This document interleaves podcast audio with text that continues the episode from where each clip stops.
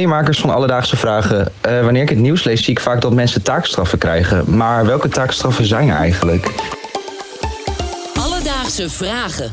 NPO Radio 1. Dankjewel Jelle uit Groningen. En vorige week kreeg zangeres Glennis Grace 200 uur taakstraf. Ja, dat is toch vijf weken werk. En ik moet zeggen dat ik niet precies heb meegekregen wat voor werk ze dan precies moet gaan doen. En alleen al daarom ben ik heel blij met de vraag van eh, Jelle. En ik kom dan ook toch weer bij jou uit, Aaron. Want ik heb al de persoonlijke vraag voor je. Ik heb geen taakstraf gehad.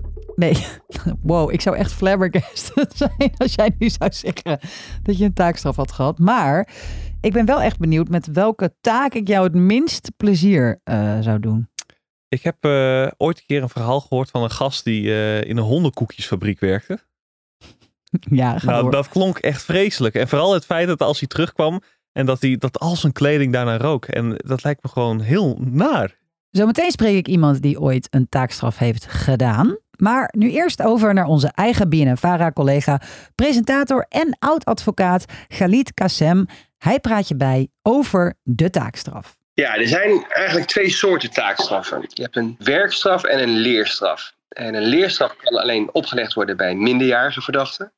Dus dan moet je denken aan, uh, stel je voor dat je uh, een vechtpartij hebt gehad, je hebt iemand mishandeld. Dan kan het een, een agressieregulatietraining zijn, dat je leert om je agressie uh, onder controle te houden. Dat zijn hele specifieke leerstraffen die je echt proberen te helpen om, om de volgende keer niet in de fout te, te, gaan. En de werkstraf is de taakstraf die we het meeste kennen. En bij minderjarigen, maar ook natuurlijk bij volwassenen.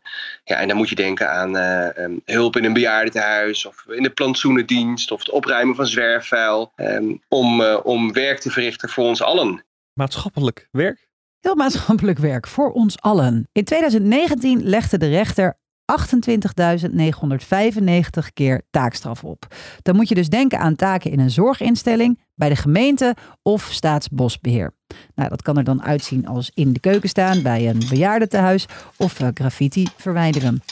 Als zelfstandige straf kan een taakstraf nooit meer worden dan 200 uur. En in combinatie met nog een ander soort straf kan het maximaal oplopen tot 240 uur. Toch zie je dat het in de publieke opinie als een wat lichte straf wordt ervaren. Hoe Galit dat ziet, vertelt hij jezelf. Het is best een forse straf, omdat het, ja, je moet vaak tegen je zin in natuurlijk werk gaan verrichten waar je ook geen geld voor krijgt. Nou, een taakstraf kan alleen opgelegd worden bij wat lichtere misdrijven. Dus dan moet je denken, uh, als je voor het eerst een, een diefstal pleegt of een auto-inbraak, of als er sprake is van een mishandeling waarbij er alleen licht letsel is bij de ander. Ja, dat zijn type uh, strafbare feiten waar je, ja, waar je dus een taakstraf voor zou kunnen krijgen. Um, en het mooie van een taakstraf vond ik toen ik advocaat was altijd, is dat het ook echt iets doet met, uh, met de veroordeelde. Omdat hij het hem of haar ook helpt om meer structuur in zijn leven te krijgen. Je leert discipline, werkritme, je hebt collega's. Zowel terugkeren in de maatschappij of überhaupt je baan behouden is met een taakstraf makkelijker dan na een gevangenisstraf. Maar kan je ook hard maken dat iemand na een taakstraf minder snel opnieuw de fout ingaat ten opzichte van een gevangenisstraf? Daar ben ik benieuwd naar. Ja, dat kan. Daar is veel, daar is veel en vaak onderzoek naar gedaan. En wat je ziet is dat uh, de kans ongeveer met de helft kleiner is op het moment dat iemand een werkstraf opgelegd krijgt ten opzichte van een, een kortdurende gevangenisstraf. Dat betekent dat, dat het gewoon 50% minder is ongeveer. Dus het is ook een heel effectief middel. Galit denkt zelf dat het heel positief zou zijn als we gevangenisstraffen onder de zes maanden bijna altijd zouden vervangen met een taakstraf. Het kost ons als belastingbetaler ongeveer 250 euro per dag dat iemand in de gevangenis zit. En dat is voor taakstraffen vele malen minder. Zeker minder dan de de helft. Jemig. Alledaagse vragen. Aaron, we hebben uh, veel gehoord over de taakstraf. Ik ben helemaal up-to-date wat betreft taakstraffen. Ja, we hebben alleen nog steeds niet gehoord van degene die een taakstraf heeft gedaan. Nee, daar ben ik ook wel benieuwd naar. Ja, degene blijft anoniem, is bij ons bekend. Um, maar om nou toch een beeld te krijgen, hoe ziet zo'n taakstraf er nou uit? En welke positieve impact maakt het op jou? Ja, hoe zeg je dat? Niet meer terugkeren in de criminaliteit. Uh -huh. uh, bij deze. Ja, ik moest dus vragenlijsten invullen. Omdat wat ik heb begrepen is dat ze budgetproblemen hadden. Dus normaal is het dan gewoon wat meer echt werkstraffen. Maar voor mij was het vragenlijsten invullen. En dan vragenlijsten invullen met... Ik was uh, gepakt voor het verkopen van wiet.